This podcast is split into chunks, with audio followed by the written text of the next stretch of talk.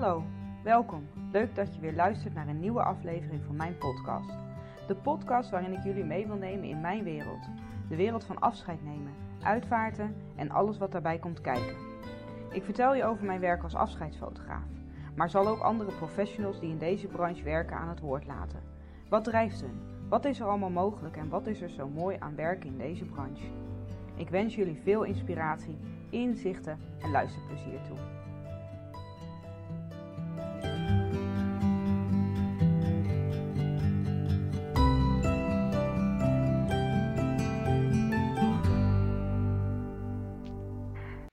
Hey, goeiedag. Superleuk dat je weer luistert naar een nieuwe podcast. En vandaag heb ik weer een interview met je voor je. Ik heb uh, Saskia de Vet gesproken en zij is uh, rouw- en verliescoach. En ik weet dat ik al meerdere rouw- en verliescoaches uh, heb geïnterviewd. Op een, een of andere manier vind ik het blijkbaar super boeiend. Wat ik heel mooi vind is dat elke rouw- en verliescoach zijn eigen aanpak en manier heeft. En ehm, er daarmee dus ook voor iedereen die in de rouw zit een passende rouw- en verliescoach is. En ik denk dat daarom op een of andere manier ik het leuk vind om jullie ook kennis te laten maken met ieders eigen manier. En zo heeft Saskia ook weer haar eigen manier. En ik ga daar niet te veel over vertellen, um, maar uh, dan moet je maar gaan luisteren. Heel veel plezier met dit interview en um, bedankt weer voor het luisteren. Hey Saskia, gezellig uh, dat, je, dat we elkaar zien, virtueel, maar uh, goedenavond. Goedenavond, Kendelie. Dankjewel. Um, ja, wij hebben elkaar een tijdje geleden leren kennen tijdens een, uh, een online netwerkborrel van uitvaartplatform. En um, nou, je maakte tijdens die netwerkborrel indruk op mij. En ik denk, nou, ik wil eens wat diepgaander met jou praten over jouw vakgebied. En uh, zodoende heb ik je uitgenodigd voor mijn podcast. En ik denk dat het leuk is dat we beginnen met uh, dat je jezelf even voorstelt wie je bent, waar je woont en wat je doet. Nou, helemaal goed plan lijkt me dat. Um, ik ben dus Saskia de Vet. Ik ben uh, 48 jaar uh, jong, zeg ik altijd maar. Ik heb een zoon van 12 nu, sinds een week. Lekker aan het puberen. En uh, ik ben rouwverwerkingscoach. En dan, ja, zeg ik in de breedste zin zes woord, maar ook wel, ja, specifiek wel denk ik meer op, ik zeg maar de dood gericht dan scheiding en, ja, verlies van werk. Ik denk ja. dat dit de overlijden zeg maar wel meer mijn specialiteit is daarin. Ja. ja. En ik woon in uh, Waddingsveen, in het mooie Groene Hart. Ja. Leuk. En met twee katten eigenlijk. Ja, en dat was het eigenlijk al. ja. Um, ja, nou en nu um, dan ga ik gewoon bij mijn deur naar huis. Ik heb al meerdere rouwcoaches, uh, verliescoaches gesproken. En um, ja, iedereen heeft natuurlijk zijn eigen manier van doen. Wat, hoe werk jij? Wat, wat onderscheidt jouw uh, coaching? Waar maak jij van welke tools maak jij gebruik? Uh, ja, hoe ziet bij jouw coaching eruit?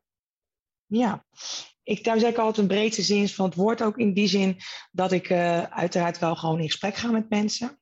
Maar ik doe ook intuïtief systemisch coachen. Dus ook ga ik kijken in een diepere lagen. Dus niet op de bovenstroom, maar echt dieper in de onderstroom kijken waar de, de emoties nog meer vandaan komen. Dus dat is, uh, ja, dan kijk je echt naar familiesystemen. Hè, waar komen bepaalde dingen vandaan? Want vaak hebben mensen geen idee als je dus in rouw zit, ook dat er dus nog oudste pijnen, zeg maar, ook nog mee kunnen komen in het hier en nu.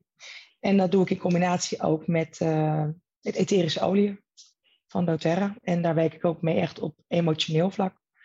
Dus uh, dan, ja, met massages ook. Dus ik, ik, het is niet standaard alleen maar praten, zeg maar. Praten is heel fijn en leuk.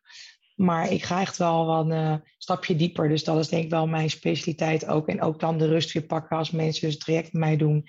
Dat ik ook zeg, we gaan ook lekker massage doen om echt uit je hoofd naar je gevoel te kunnen gaan. Maar dan op een hele zachte manier. En uh, ja, de rouw kunnen doorleven eigenlijk. Dat, zo moet je het eigenlijk zien. Ja, ja mooi.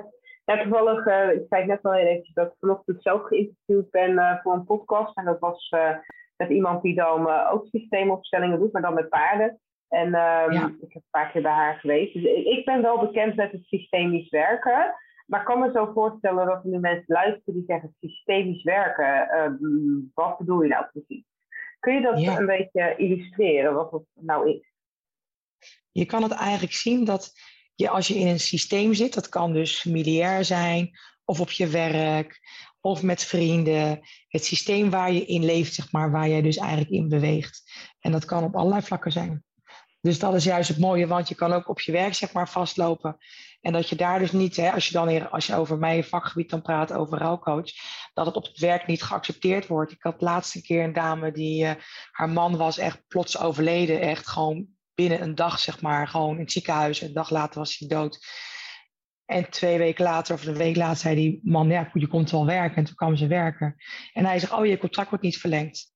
Dus dan zit je in rouw ben je net je man verloren. En dan, dus dan zit je ook in dat systeem, zeg maar, ook dat je denkt, hé, wat, wat, wat gebeurt er? Dus als systemisch coach ga je ook kijken, hè, in welk systeem, waar loop jij in vast? En vaak is het wel familiair. Dan ga je dan verder kijken, ook dan hè, in de familielijnen, waar uh, blokkades kunnen zitten. Maar ook in je werk zou dat kunnen. Dus ja, zo is eigenlijk het systeem, zo zie ik dat eigenlijk, uh, waar wij dus uh, in bewegen, in leven. Ja. ja. en hoe kom je dan bij die zere plek? Want ik hoor je net ook al zeggen, en ik, en nogmaals, ik weet een beetje werkt. Het is vaak onderbewust. Het is, het is in de onderstroom waarin de pijnlijke stukken zitten, of waar die, die drempels liggen, of dat waar je op vastloopt. Dus hoe, hoe kom je daarbij dan? Ja, dat kan je op verschillende manieren doen. Want ik, uh, je, je kan het gewoon echt visualiseren.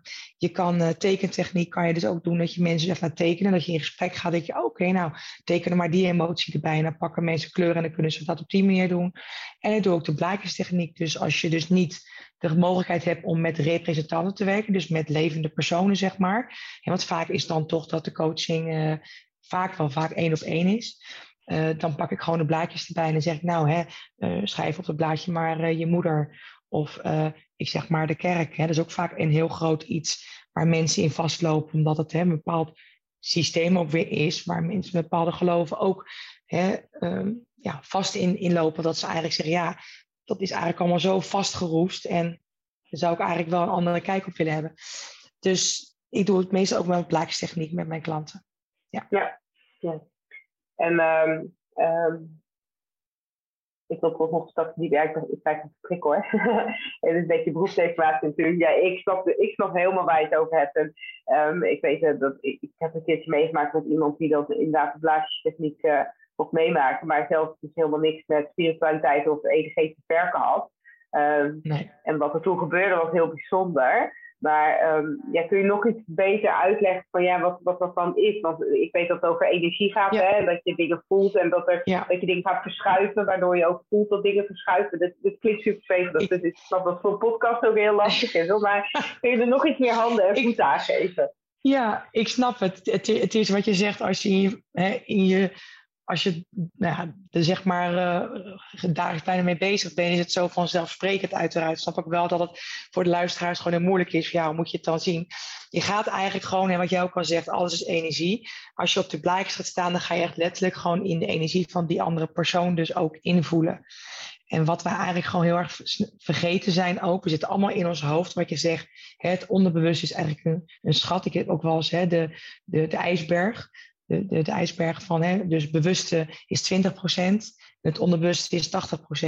Dus eigenlijk wat we onbewust eigenlijk niet meer voelen, omdat we afgesloten zijn vaak gewoon met ons gedachten, ga je met de blaadjestechniek ook echt, ga je ook in de energie van die persoon, maar ga je ook echt leren voelen van, goh, wat gebeurt er nu? Of je gaat ineens helemaal wankelen, dat je denkt, oh, hè, oh ja, klopt inderdaad. Uh, ik zeg maar iets, uh, mijn oma had, oma had inderdaad maar één been of zo. Oh ja, daarom wankel ik. Oh, dat is ook apart, dat ik dit dan voel.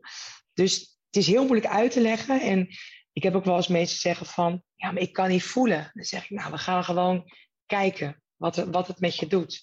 Nou, en ik heb heel vaak als mensen weggaan, zeggen ik heb nog nooit zoveel gevoeld. En in mijn geval ook heel vaak dat zeggen, ik heb nog nooit zoveel gehuild. Ik heb zoveel emoties kunnen ervaren.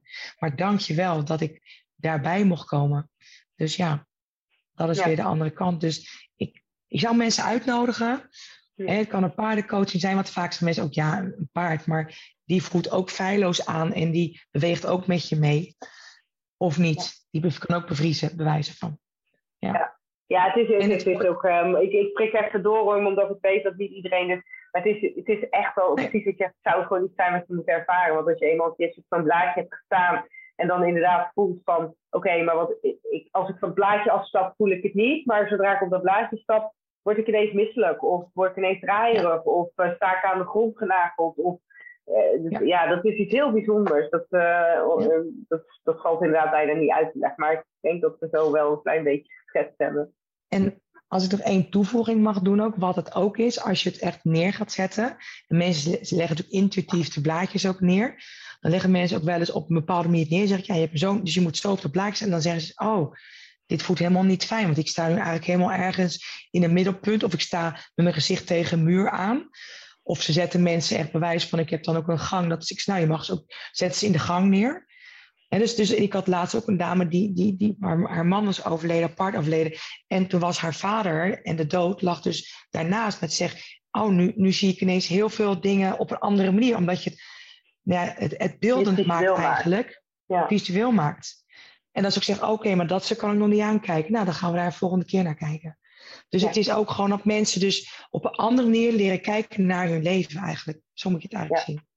Ja, klopt. Je maakt inderdaad visueel en ook de positie in de ruimte en de positie ten opzichte van elkaar. Dat zegt wat. En op het moment dat je dan iets, dat, dat kan ik mezelf nog herinneren, want dat vertelde ik vandaag ook in de podcast. Ik ben toen ook zelf in die paardenbak geweest en ik had, uh, dus we hadden iets met pionnen ook opgesteld. En, en ik stond in die lijn van die pionnen en, en toen zei degene die de coaching deed, zei, stap er eens uit, stap er eens naast. En ik stap inderdaad opzij. En ik werd ineens heel veel lichter. En als ik weer in die lijn stapte, dan voelde ik weer heel de zwaarte op me. Dus de positie ten opzichte van degene die ik had opgesteld, dat, dat zei echt wat. En op het moment dat ik eruit. Dus dat ja, heel, uh, heel bijzonder en heel inzichtgevend inderdaad. En wat ik eh, heel mooi vind, ja, dan ga neem ik het bijna van je over, maar uh, dat je het en visueel maakt, maar het ook dingen kunt doorvoelen. Van wat gebeurt er als je nou dit doet? En dan voelt het ineens lichter of voelt het ineens zwaarder. Of en dan, dan doorvoel je eigenlijk al op het moment dat je een patroon of iets doorbreekt, hoe dat kan voelen. En dat, dat geeft soms veel meer kracht dan wanneer je iets uit je hoofd beredeneert, zeg maar. Maar dat is het. Je zit, mensen zitten heel vaak in hun hoofd en zijn ze vergeten om dat stukje te voelen. En wat je ook terecht zegt, weet je, stap er eens uit en ook kan je ook zeggen, wat heb je nodig? En hoe kunnen we dit ook dan weer op een andere manier ook ja, doorbreken, zeg maar, en ook anders neerzetten, waardoor de energie op een gegeven moment ook anders wordt, waardoor je denkt, hé, hey, ik heb nu ineens een heel ander gesprek met mijn ouders, of, dus dat maakt het ook teweeg ook, ja. Ja, dat is grappig. Nou ja, dan hebben we het even over jouw techniek gehad, maar um, um, je komt niet zomaar in dit vak terecht. Of doe je dit al heel je leven? Je wist, je kwam van school en je denkt, nou, mm. dit ga ik doen. Nee. Dat lijkt me leuk. Nee. Ja, nee. nee, nee dat is met bijna niemand in deze branche natuurlijk. Er gebeurt vaak iets waardoor je de stap komt. Wat is jouw verhaal? Wat is mijn verhaal? Waar kan ik beginnen? Nee, ik ben nog niet zo heel lang zeg maar in deze branche. In die zin uh, anderhalf, anderhalf jaar, twee jaar denk ik. Maar coaching was wel ook ja, in, de, in de loop der jaren uh, leer jezelf beter kennen, leer je mensen beter kennen. En toen dacht ik op een gegeven moment, ja, ik zal begin beginnen, zeg maar, ergens. Want hè, als je heel veel met de dood te maken krijgt, zeg maar, maar ook op best wel bijzondere manieren, zeg maar, laat ik het zo zeggen. Uh, mijn neef, toen was ik 14, uh, eh, die is verongelukt. Dus die is zeg maar dus met zijn auto het water geraakt en die is daar zeg maar verdronken. Um, toen was ik op een gegeven moment 22. Toen heeft mijn zwager zelfmoord gepleegd. Dus de, dus de man zeg maar, van mijn zus. Ik was toen 34, ik was uh, 22. Uh, anderhalf, twee jaar later is mijn moeder overleden aan kanker. Drie maanden later mijn moeders zusje overleden aan kanker. Ja, goed. En dan de rest van de familie, zeg maar. Maar goed, mijn vader toen ik 35 was, ook aan kanker. En toen ik 44 was, toen heeft mijn man zich ook zelf uh, verhangen. Dus hetzelfde eigenlijk als wat mijn zus heeft meegemaakt toen ik 22 was, maakte ik zeg maar 12, 13 jaar later hetzelfde mee. En toen dacht ik op een gegeven moment, we hadden een eigen zaak en ik had al een coachingpraktijk, maar dat deed ik op nijtherapie, dus met onderbewuste, zeg maar, dus hè, de emoties uh, bovenop halen. En toen dacht ik, jeetje, ja, ja, ja, vrachtwagens verkopen. Want dat, dat, deden wij in de export van vrachtwagens. Maar is niet echt mijn passie. Ik deed dat administratie. Maar ja, wat moet ik dan? Hij stapt uit het leven en ik blijf met alles achter. Dus ik heb alles verkocht. ik heb het huis moeten verkopen, ik heb de zaak moeten weg moeten doen, verkopen. En ik bleef met mijn kind achter. En toen dacht ik, oké, ja, maar waar word ik nu blij van? Ja. En zeggen mensen als nu als zeg ik ben rouwcoach, oh heftig. Dan zeg ik nee. Ik vind mensen en hun verhalen vind ik mooi. Ik vind, uh, weet je, elk verhaal van rouw mag gehoord worden. Want heel, er is een hele taboe. En zeker ook bij zelfdoding. Ik heb best ook wel wat klanten ook zeggen, op jou kan ik mijn verhaal geven, want jij snapt mij. Dan denk ik ook, ja, ik weet waar je doorheen gaat of waar je ook gezeten hebt daarvoor. Want dat is het ook. En mensen zijn vaak vergeten ook hoe het is om iemand doet het niet zomaar. Dus dat was mijn weg. En toen ben ik met een energetisch therapeut uh, ben ik in gesprek gegaan. Ik zeg, wil je me helpen? Ik weet echt even niet hoe of wat. En toen heb ik gewoon briefjes neergelegd. En ze heb zij zelf dingen opgeschreven. En toen kwam leven en dood kwam eruit. dacht ik, oké. En toen ben ik na gaan denken, heb ik dingen opgeschreven, heb ik het beeldend gemaakt. Dat ik dacht, ja, ik heb wel heel veel met dood meegemaakt. Maar ik weet ook hoe het is om te leven.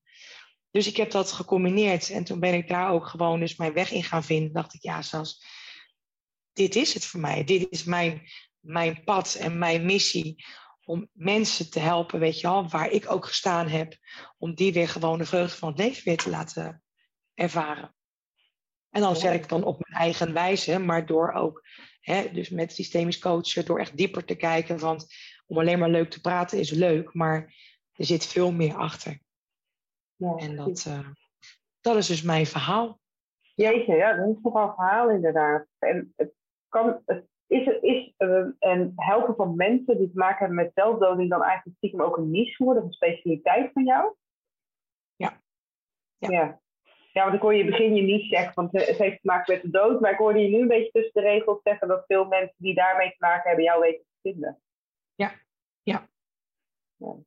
En dat, dat is ook wel omdat, uh, nou ja, ook als je bepaalde post wel schrijft of iets, dat mensen dan denken, oh ja, weet je wel, ik, ik, ik zeg dan, hè, voel je ook schuldig naar, hè, als je in rouw bent. En dan zeggen mensen, ja, dat heb ik niet, ja, mijn moeder is overleden. Maar dan denk ik, ja, maar dat is wel, als je natuurlijk wel met iemand met zelfdoding, dan is het wel vaak ook dat schuldgevoel wel met de hoek kijken. Het is een heel ander soort rouw. Het is veel complexer en het heeft met zoveel meer dingen te maken. En dat, uh, ja, dat is wel denk ik, uh, ik heb meerdere kanten natuurlijk dan daar ook in gezien. En dat uh, ja, maakt wel dat ik, dat ik wel daar ook wel meer mijn specialiteit in heb. Ja, ja, ja dat snap ik wel. En um, je zegt je bent nog niet super lang, uh, lang bezig. Als je het mag dromen, wat is, jouw, wat is je droom? Wat wil je bereiken?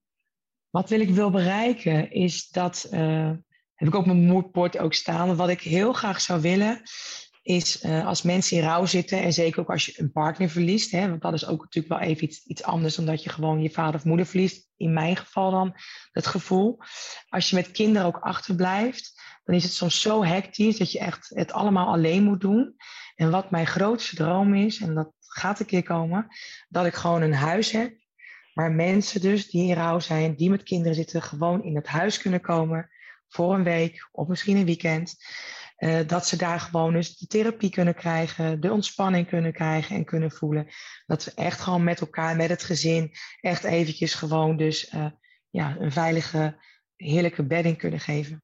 Dat is echt ook een stuk wat, wat mijn, mijn droom is, zeg maar. Wat, uh, ja. Een soort van retraite voor mensen in rouw. Ja. En dan echte gezinnen. Dus niet, niet de, de, persoon in kwestie, maar eigenlijk dan ook wel. Misschien ook wel, maar het kan allebei. Maar ik heb zoiets van, ik, ik heb voor mezelf gemerkt, als je dan het allemaal alleen moet doen, elke dag alleen voor staat, is het zo fijn als er dan eens een keer wel voor je gekookt wordt en ook gewoon eens gekeken wordt in de dynamiek van, hé, hey, wat gebeurt er? want dat, dat vind ik ook heel mooi om, om te zien. Hè. Ik heb zelf ook natuurlijk een, een kind ook en ik ben ook maar een moeder. Hè, daarin ook. Hè. Dan kan ik wel rouwcoach zijn. Maar goed, ik zie ook wat ik met, hè, met mijn zoon ook wel eens heb. En dat het heel fijn is dat iemand anders ook op een andere manier is met je mee kan kijken. Van hé, hey, wat gebeurt er in de dynamiek? En oh, wat misschien heeft hij of zij misschien nodig, het kind. En wat heb jij misschien nodig? En cijfer jezelf niet te veel weg. Want dat doet heel, doen heel vaak ouders, alles maar voor het kind als je zelf niet rechtop kan blijven staan, ja, dan heb het kind er straks ook niks aan. Nee. nee. Nou, mooie droom. Ja. ja. En um, ik, ik hoor je net een, al een woord taboe ook bijvoorbeeld zeggen. Hè? Wat is ehm, wat is iets wat jij hoopt te veranderen als je het hebt over deze branche? Uh, niet per, ja, in de breedste zin van de woord, omtrent de dood. Mhm. Dat wij vergeten zijn, denk ik, dat de dood onherroepelijk ook aan het leven hangt. Want heel vaak hebben mensen iets van, ja, de dood en het is, oh, het is zo erg als je doodgaat. Dan denk ik, ja, maar het hoort er ook echt bij. Het lijkt wel of we niet meer dood mogen gaan. En dan denk ik van, de dood kan ook iets heel moois zijn. Want hè, ik, ik, mijn, hè, in mijn beleving, zeg, mijn mening is ook van, ja, we hebben dit lichaam gekregen. En als je overgaat, je zegt in mijn zoon ook wel eens, als we, als we doodgaan, hè, geloof ik en geloof hij ook, dat aan de andere kant ook mensen zijn die ons dierbaar zijn en daarop zitten, op ons zitten te wachten. Dus is het dan ook heel zwaar om dood te gaan? Tuurlijk, je moet dit leven hier loslaten. Maar het is ook iets heel mooi dat je weet dat hierna ook nog iets anders is. En dat is mijn, mijn beleving zo. En, en twee dingen weten we zeker in het leven. Worden geboren. We mogen dankbaar zijn dat we hier in het leven in dit lichaam mogen zijn. En we mogen dankbaar zijn dat we het mooie lichaam hebben mogen gebruiken. En dat we ook weer over mogen gaan. En dat je dan weer afscheid mag nemen van dit leven. Dat we heel veel mogen leren hier zo. Want dat vind ik ook altijd van, hoe, hoe, hoe doe jij je leven in? Je hebt altijd een keuze. Zei tegen mijn zoon ook. Wij, wij hebben nog een keuze. Ik hoop als ik 90 ben en ooit ik op mijn sterfbed, dat we zeggen, we hebben ook nog heel fijn gehad met elkaar. En heel mooi gehad. Want we kunnen in angst blijven leven. Dat, die taboe wil ik eigenlijk doorbreken. Blijven in angst voor de dood leven. Of kunnen we de dood ook gewoon naast ons neerzetten en kunnen denken van, hé, hey, als we ooit dood gaan, hebben we het zo mooi gehad hier in dit leven. Want waar moeten we bang voor zijn? als wij in God geloven, God is toch alleen maar liefde. Dus dan gaan we toch ergens naartoe waar liefde is. Mm, Zo zie ik het. Ja, ja. ja. ja daar resoneer ik zeker wel mee. Ik heb uh, vaker uh, ook al gesprek gehad op coaching en zo. Waar, waar gaat mijn bedrijf omheen en zo. Bij mij resoneert heel erg. Kijk, ik heb ook missie om de dood uit de taboesfeer te halen. En wat daar voor mij onder zit, is um, uh, is op het moment dat wij de dood in ons leven kunnen omarmen, kun je pas ten volste leven. En dat, ik weet ik neem, ik, weet, ik neem aan, ik weet niet eh, of je over mijn lijf uh, kijkt, hebt gekeken, maar wat ik heel mooi aan over mijn lijf vind, is dat daar mensen zijn die uh, verschrikkelijk nieuws hebben gehad en weten dat hun leven eindigt. Maar wat ik daar zie, zijn mensen die alles uit het leven halen wat er nog in zit.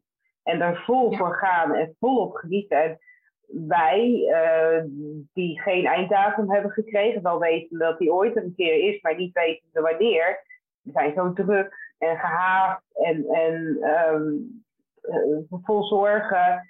En uh, ja, dat is eigenlijk inderdaad wat je zegt heel zonde, want ik, ik zie als uitvaartfotograaf zo vaak dat het in een vingerknip over kan zijn. Dus ja, dus voor mij zit onder die laag van de dood taboe sfeer halen, zit voor mij nog een diepere laag dat als wij de dood in ons leven kunnen omarmen, kun je eigenlijk pas ten volste leven. Dus dat, dat, ja. hoor ik jou eigenlijk ook een beetje zeggen. Ja, nou ja, en, en ik vind ook altijd, um, weet je wel, je, je mag zeker mag je in, in rouw zijn, hè? In, in mijn geval dan in rouw zijn. Maar um, uh, wat ik ook wel een belangrijk punt vind, wat ook misschien wel op mijn bucketlist staat, is ook om kinderen te leren dat het ook gewoon uh, normaal is eigenlijk als een opa of oma komt overlijden. Dat het niet van een kind ook dan. Want ook kinderen zijn ook niet meer. Uh, hebben niet meer geleerd dat kinderen worden eigenlijk altijd een beetje als vergeten. nou ja, weet je je gaat maar niet mee of dit of dat. Dat kinderen niet leren. In, in alle oerstammen, zeg maar, die nog toch zijn, wordt het leven juist gevierd. Als je ook komt overlijden, vieren ze ook het leven. Weet je wel, dus dat is ook denk ik wel wat wij in de westerse wereld een beetje vergeten zijn. Het moet allemaal maar volgens hokjes of dingetjes. En ja, wat je ook, ik vind het wel heel mooi wat je ook zegt. Het is denk ik ook wel wat wij uh, te doen hebben, denk ik. De taboe doorbreken van dat het, ja, en maakt er iets moois van hier, nu. Want het, ja, nu is alles is, dan. Ja. Ja. ja. ja. En we zijn ook mensen, hè, zeg ik ook altijd. Tuurlijk, weet je, en ik ben ook, ja, weet je, soms doe ik al uh, als een soort van boeddha ben of zo, maar weet je, ik geloof heel erg dat het geen zin heeft om druk te maken over wat in het verleden is gebeurd en je zorgen te maken over wat in de toekomst uh, nog staat te gebeuren. Maar natuurlijk heb ik dat ook wel. Ik heb ook wel zorgen of ben boos over dingen die er gebeurd zijn, maar ik probeer daar dan heel bewust niet te lang in te blijven hangen en te beseffen van nee, dit is wat we nu hebben. Um, ja en alles wat ik verspil aan, aan het verleden of aan de toekomst, dat is ja, energie verloren, zeg maar. Maar goed, uh, het Tuurlijk, ik ben inderdaad ook mijn best gebeurd, maar vaak genoeg ook steeds Nou, en kijk, en ik zeg ook altijd wel aan het verleden, want dat is zeg maar, klinkt al zo heel makkelijk, een oud verhaal. Maar wat kan je aan het oude verhaal nog veranderen? Niets. Maar het is wel jouw gedachtegoed. Wat wil jij met je toekomst? Want je toekomst kan je te alle tijd nog zelf bepalen. Dat het niet altijd even makkelijk is, dat is. Maar je hebt altijd in alle tijden, is jouw gedachtegoed het enige wat jou verder kan helpen. Ja, ja. mooi. Dus, hoe, dus hoeveel... ja. Dat, ja? betekent je dat wel met mijn volgende gedachte gewoon bezig. Nee hoor, vertel maar, vertel maar. ja, ik ben toevallig van de week naar um, uh, lezing geweest van Manu Kiersen ken jij ongetwijfeld, kan niet anders. Uh, ik zit even.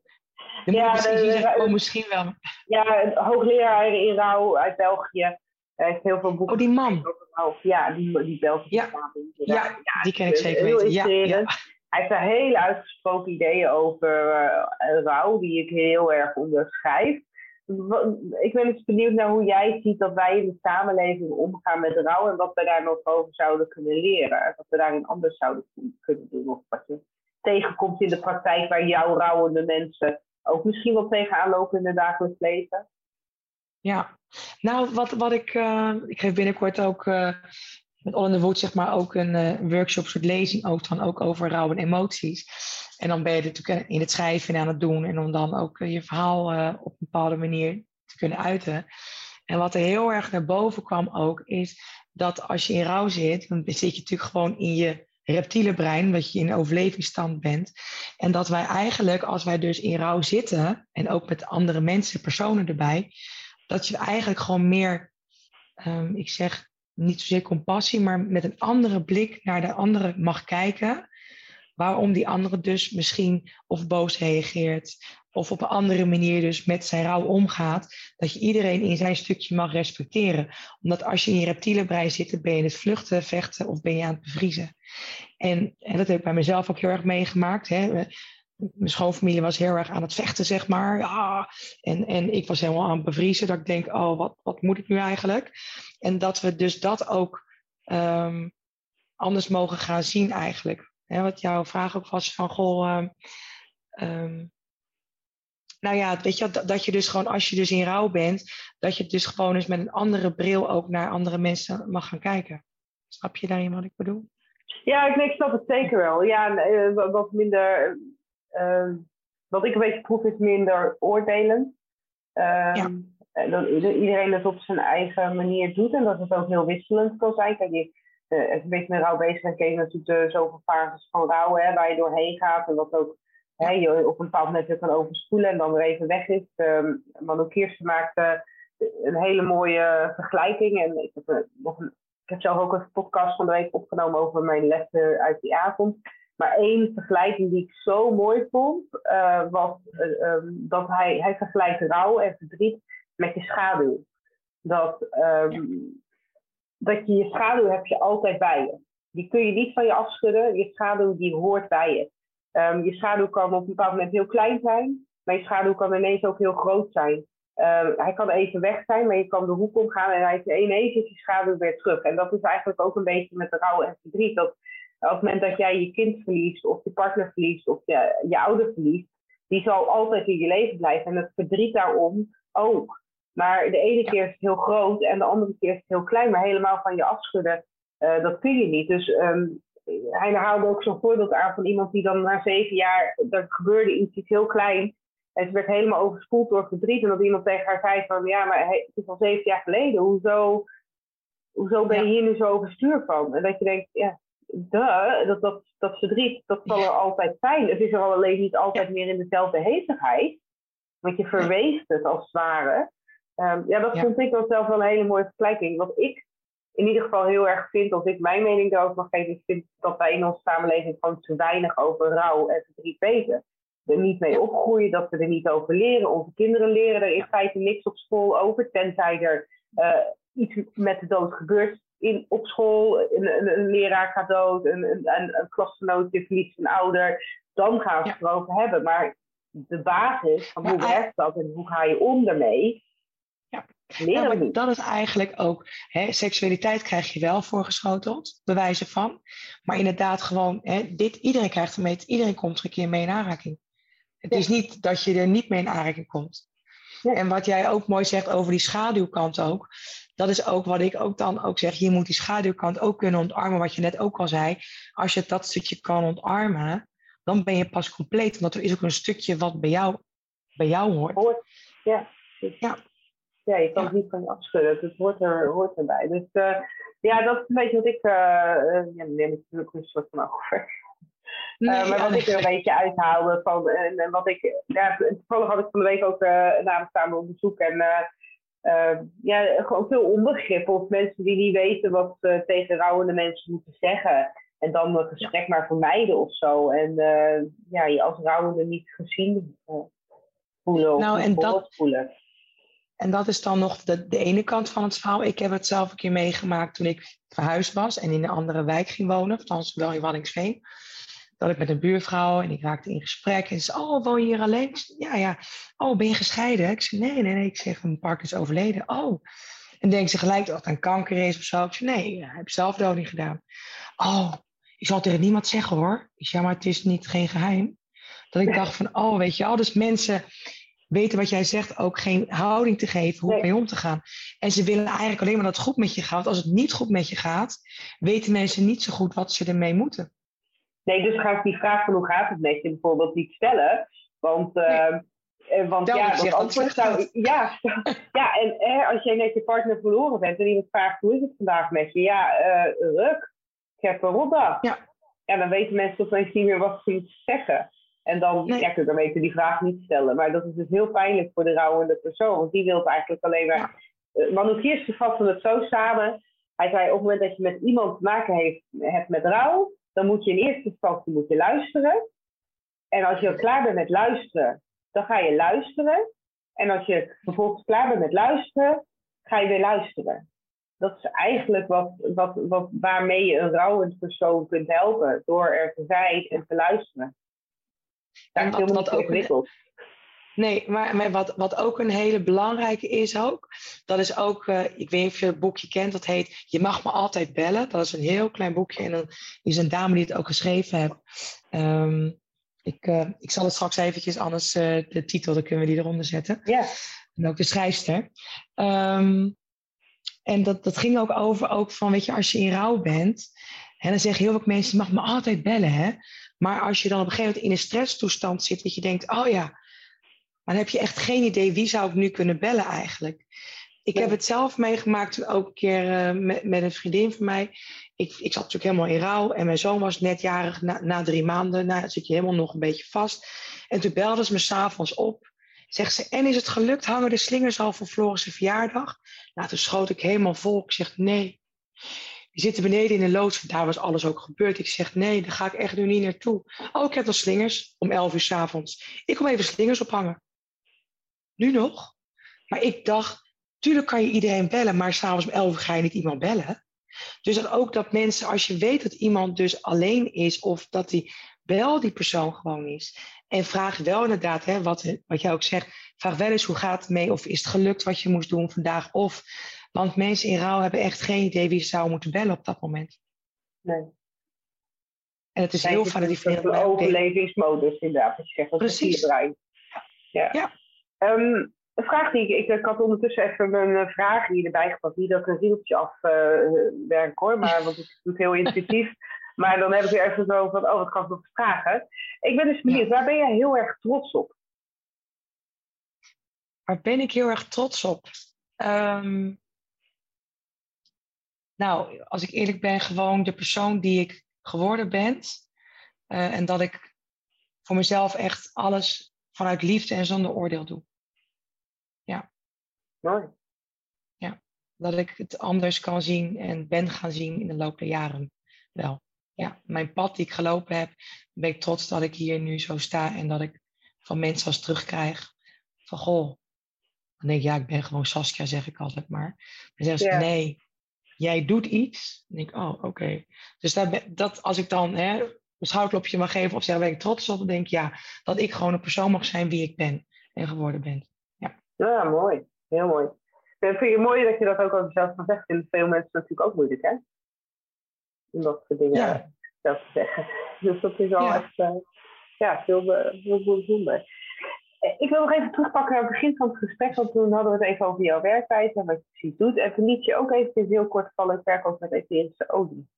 Uh, kun je daar iets meer over vertellen? Uh, hoe zet je dat in? Dat, want ik, ik, heb, ik gebruik zelf ook etherische olies, I know. Ik weet hoe het werkt. En, uh, maar ik kan me zo voorstellen dat andere mensen die luisteren van, nou ja, goed, ik, ik weet wel dat als de lavendelolie op mijn bed doe, dat ik lekker slaap, maar dan houdt het misschien een end op voor mensen.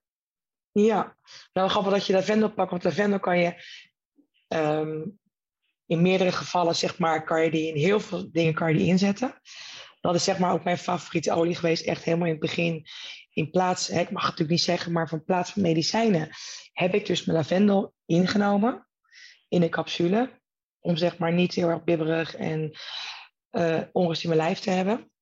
Dus, maar de etherische oliën zijn voor mij echt gewoon een way of life geworden. Ik maak zelf een antibiotica ervan. Als ik verkouden ben, dan smeer ik een olie op mijn borst. Uh, doe ik het in een diffuser, niet in een verwarmingsdingetje, want dan maak je de olie kapot. Omdat dat doen vaak mensen, oh, een lekker geurtje. Dat ik denk, nee, het zijn echt therapeutische uh, waardes die ze ook hebben. En veel meer dan. En wat ik het mooie vind ook, is dat ze op emotioneel en spiritueel vlak ook heel erg hun werking doen. Als ik dan kijk, ik vind het psychosomatische stuk altijd gewoon heel interessant.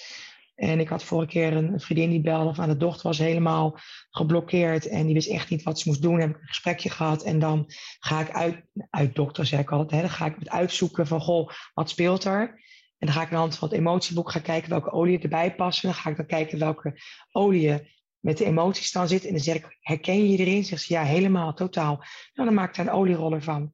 En dan gaat zij dat gewoon smeren ergens waarnaar zij de behoefte heeft. En de moeder sprak me een week later en zei ze, nou Sas, ze is weer gewoon weer even weer terug van weg geweest eigenlijk. Dus zo werkt het met de olie, maar het is ook als je een schaafwond hebt of als je een snotneus hebt. Of, dus het is gewoon, ik maak er zelfs mee schoon mijn keuken met lemon. Stikkenverwijderaar pak ik niet, pak gewoon lemon. Dus ja, um, het is een onderdeel van mijn dagelijkse, dagelijkse leven geworden. En wat dat dan kan doen, ik, ik vind het vooral het, het uh, emotionele stukje met de etherische olie werken, vind ik ook heel mooi. Maar dat het ook nog fysiek ook nog heel erg voor je lichaam, uh, voor je gezondheid kan, uh, kan werken. Dus detoxen of ja. ja. Ja, mooi. Nou ja, er zo'n way of life voor je is, is het ook niet meer dan logisch natuurlijk dat je dat doortrekt in, in je werk. Dus, in, in je werk, ja. ja. Ik heb het ook wel nou, gedaan hoor. Ik heb ook wel eens bolletjes gemaakt voor mijn coaches, zeg maar. Die dan bijvoorbeeld ja. Uh, een stukje zelfverzekerdheid moet geven. Dus dat je je op je polsen rolt en dan eraan ruikt dat je, nou ja, dat je even naar beide voet op de grond staat en uh, in je schouders achteruit en rechts uh, vooruit. Weet je. Dus ja, ja, mooi. Ja. ja. Dus dat, en ook inderdaad gewoon, ja, het, het, is, zo werk ik ermee. En dan, ja, het is het, het anders denken, het omdenken, zeg maar. ja. ja. Dat je het ook zelf kan doen met de natuur. Dat is ook gewoon, denk ik, wel een hele boodschap. Dat is een hele mooie boodschap, ja, zeker. Alles, ja. alles is er, hè? Ja. Ja. Het is, al, gegeven, het is al gegeven. ja, ja, precies. Dat. Ja. Um, ik, heb, um, ik heb nog een vraag uh, die ik ook wel mooi vind om te stellen. Um, ook al ben je nog niet mm, jarenlang bezig, is er misschien een, een opdracht, en natuurlijk met alle privacy uh, in acht nemen, iets wat je heel erg is bijgebleven, waar je iemand erbij bij kunnen helpen. Nou, dat is een case, nou, dat was zo bijzonder met Nou, ik zal, nee, ik zal geen naam maar ik heb een keer uh, iemand in de coachingpraktijk ook gehad. En uh, die dame is al uh, 66. En lang, lang, lang geleden, toen zij 14 was, zeg maar, is haar zusje overleden. Maar zij was van een drieling. Dus zij was geboren en haar broer en zus, zeg maar, die, nou, die zijn zeg maar niet geboren. En die, ja, ik zeg maar, ze hebben ze daar achter moeten laten. En dat hebben ze heel veel strubbels en dingen mee gehad. En toen ik hier die coaching, coaching ging doen met systemisch coachen. Um, gebeurde daar zoveel, zoveel mooie dingen dat ik dacht, wow. Om maar een voorbeeld te geven wat daar dus gebeurde, hè, om weer te komen op dat systeem. Ze hadden een oud huis en daar waren die kinderen, zeg maar, overleden. En zij was de enige van de drieling, zeg maar, was ehm, geboren. Dat huis hebben ze, toen zij vier was, hebben ze plat gegooid, hebben ze een nieuw huis opgebouwd.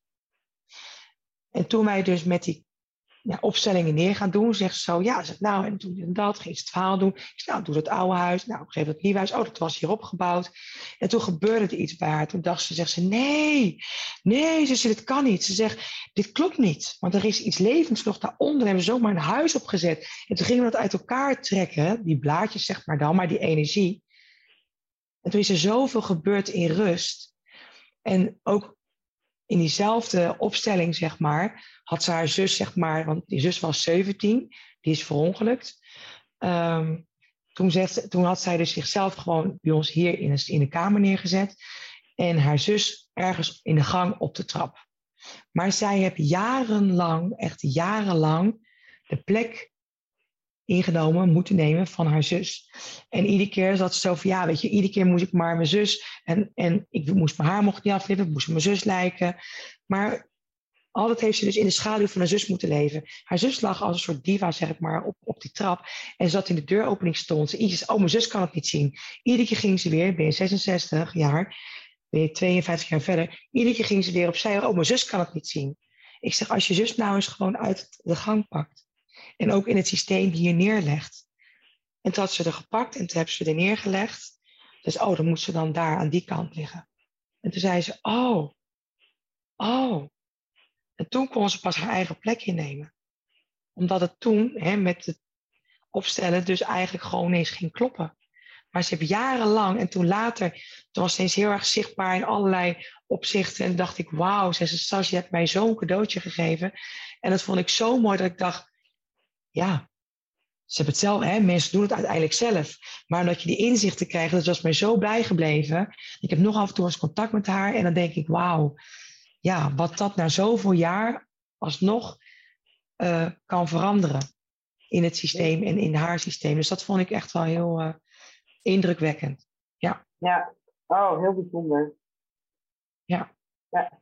Ja, en nu, nu we het daar zo over hebben, moet ik ineens denken ook aan uh, Boek de Fontein. Dat gaat natuurlijk daar ook heel erg over. Een vraag die uh, bij veel mensen opkomt op het moment dat je het over systemisch werken hebt en zo, is het over hoe is het met uh, en, mensen die al overleden zijn, die dan ook een, een, de verkeerde plek bijvoorbeeld in het systeem hebben. Um, en, en, als je het dan hebt over bijvoorbeeld vergifenis of et cetera, of iets oplossen met iemand die er niet meer is, zeg maar. Kun je daar iets meer over vertellen? Want heel veel mensen denken, ja, maar ik heb een issue met mijn vader, maar die is er niet meer. Dat kan ik nu niet meer oplossen. En ik weet dat dat natuurlijk wel zo is door, door middel van systeemopstellingen. Maar kun je dat uitleggen? Ja, ja. Het, het is, ehm, dat, is, dat maakt het juist wel heel erg bijzonder. Omdat je juist dan heel erg gewoon, juist dan op een heel ander vlak gewoon daarnaar kan kijken. Omdat je gewoon dus, uh, ja, hoe, hoe, moet je, hoe moet je het uitleggen? Hmm. Um, ik zit te denken van of ik of ik eigen voorbeeld kan hebben. Ik had, ik had, wat, wat, wat het mooie is, hè, soms zijn dingen ook in het systeem wat er dan gebeurd is, waar je eigenlijk geen weet van hebt. Um, en mijn vader was een, ik zeg maar zo, mijn voorbeeld van mijzelf, mijn vader was een hele stille man. En uiteindelijk, als je dus het op gaat stellen, dan kan je ook dus in zijn energie dat je denkt van, oh ja, maar het waarom, waarom bepaalde mensen op een bepaalde manier gehandeld hebben dat ga je ook dus als je op gaat stellen, kan je ook zien van, oh ja, dat was nog of een verborgen verhaal, of het had daar en daar mee te maken. Dat wordt dan zichtbaarder, waardoor je ook meer begrip kan hebben, of juist misschien ook voor jezelf het kan helen, dat je ook dus die persoon ook op een andere manier aan kan kijken en ook kan voelen in, in, in zijn energie, dat je denkt, oh ja, maar je hebt het gedaan om die en die redenen. Dus ja, um, dat kan juist dan wel, omdat wij weten natuurlijk gewoon dat alles energie is. En dat je het dan ook op dat, of iemand nou overleed of niet, ook op dat vlak ook het kan, kan helen. Ja. En uh, ja.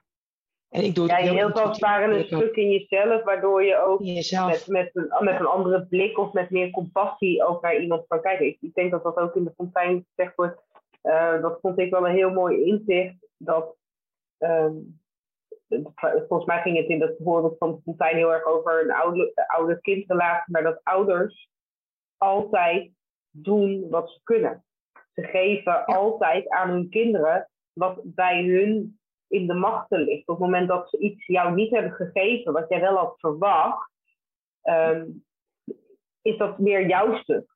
Want je ouders hebben je altijd gegeven wat ze kunnen. Als dat, dat stuk wat jij verwachtte niet hebben kunnen geven, is dat gewoon omdat ze dat gewoon simpelweg ook niet, niet konden. Ouders doen altijd Dat is iets wat, mij, wat, wat echt wel bij mij is blijven hangen. Dat ik denk, oh, wat, dat is ook wel echt een heel mooi inzicht. En dat wat het mooie is, weet je wel, een ouder doet wat je zegt altijd zijn best. En je hebt altijd dat ze iets hebben laten liggen. Je hebt zeg maar twaalf, twaalf, basisbehoeftes. Veiligheid, geborgenheid, maar ook liefde, eh, eh, nou ja, levenskrachten, noem maar op. Maar ehm, we kunnen nooit in al die behoeftes kunnen we voldoen. En wij doen altijd alles, ouders, altijd uit liefde doe je het. En het is nooit, weet je wel, ik zeg altijd van, we hebben het altijd goed gedaan. In die zin, wat jij zegt, ze konden niet anders. En ik denk wel, als je dus van, als je dan zegt, nou, ik heb iets gemist. Ja, in wat voor zin? Wat is er dan iets wat in jou nog geheeld mag worden? Ja, dat is ja. wel heel mooi. Ja. ja. Interessant. Ik vind het een onderwerp waar ik echt heel lang over kan, uh, kan praten en discussiëren. gaan we niet doen, want uh, de podcast moet ook op een leuke lengte blijven om aangehaakt te blijven. Ik ben uh, wel een heel en door de vraag heen die ik jou wilde stellen. Maar het kan best natuurlijk zijn dat ik dingen niet heb gevraagd. Of dat jij niet dingen hebt mogen zeggen of kunnen zeggen die je wel heel graag met ons wilt delen. Dus heb ik iets gemist. Wil je nog iets uh, anders met ons zeggen? Mm, ik weet het niet. Ik, ik, ik denk het enige wat ik, wat ik uh, mooi zou vinden. Als mensen gewoon met een andere kijk de wereld in kunnen kijken. En ook um, ja, hoe moet ik het zeggen? Als je hè, met systemische dan ook gaat kijken, hè, je hebt slachtoffers, je hebt daders of hè, dingen die je misschien vindt van een ander. Ga ook eens kijken bij die ander, waarom die ander dus op die manier ook in het leven staat. En um, als je heel veel liefde voor jezelf kan hebben, kan je dat ook dus doorgeven aan een ander. Want echt, als je van jezelf echt kan houden, zeg maar, dan geef je ook gewoon iets waardevols weg. Ook als je dan zegt, naar een ander toe. Ik hou van jou. Want heel vaak willen mensen zeggen, ja, ik hou, ik hou van jou, maar je wil eigenlijk iets van jou terug hebben. Maar als je gewoon in je eigen kracht kan staan en vanuit liefde zeg maar ook dingen kan doorgeven en de ander kan het teruggeven, dan gaan liefde stromen, dan geef je het niet weg. Maar dan komt het ook weer naar je terug. Dus dan is er een hele mooie cirkel die je dus dan kan laten stromen. Hmm. je maakt een beetje het gas van mijn voeten weg. Want ik heb altijd een oh. laatste vraag die eigenlijk voor mijn gevoel nu al een beetje beantwoord hebt. Maar ga hem oh, toch stellen. Nee, dat geeft helemaal niet, want het, het kwam uit je hart. Dat was, uh, was duidelijk te zien en te horen. Nee, maar ik heb altijd één laatste vraag. Zoals jij gezegd hebt wat je wil zeggen, hebt, wilde zeggen, ga ik die vraag stellen. Want mijn laatste vraag aan iedere podcast uh, deelnemer, zeg maar, is uh, welke levensles wil je aan de luisteraars meegeven? En dat mag in de breedste zin van het woord zijn. Hmm als ik, als ik dan de levensles van mensen, aan, mensen mee mag geven, is ehm, eh, leef elke dag met een glimlach. Want je bent het zo waard, weet je wel, om ook gewoon de vreugde gewoon van het leven te kunnen zien. Hoe zwaar het soms ook kan zijn. En als je, en als je glimlach aan iemand anders geeft, geef je eigenlijk ook al een cadeautje aan jezelf, maar ook aan die andere persoon. Mensen zijn vergeten om met elkaar te verbinden, denk ik. Ga eens in verbinding met een ander. Ja. Nou, uh, dankjewel voor, uh, voor vanavond en voor alle inspiratie en de wijsheden die je met ons hebt gedeeld. Ik vond het heel erg leuk om uh, ja, je verhalen te horen. Ja, nou, dankjewel Gwendoline in ieder geval voor je uitnodiging ook. En ik vond het heel waardevol om nou, samen over een bijzonder onderwerp zeg maar, te mogen sparren. Ja. Ja, ja. ja. dankjewel. Hele fijne avond. Oké, okay, goedjes. Mocht jij nou genoten hebben van deze aflevering of andere afleveringen, zou je na het luisteren de moeite willen nemen om een review achter te laten op de dienst waarop jij luistert. Want op het moment dat uh, ik reviews op mijn podcast krijg, wordt mijn podcast steeds makkelijker door andere mensen gevonden. En op het moment dat dat gebeurt, uh, ja, draag ook jij bij aan mijn missie om de dood uit de taboesfeer te halen. Dus uh, ja, Mocht je dat willen doen, zou je mij daar in ieder geval heel erg blij mee maken. Dankjewel.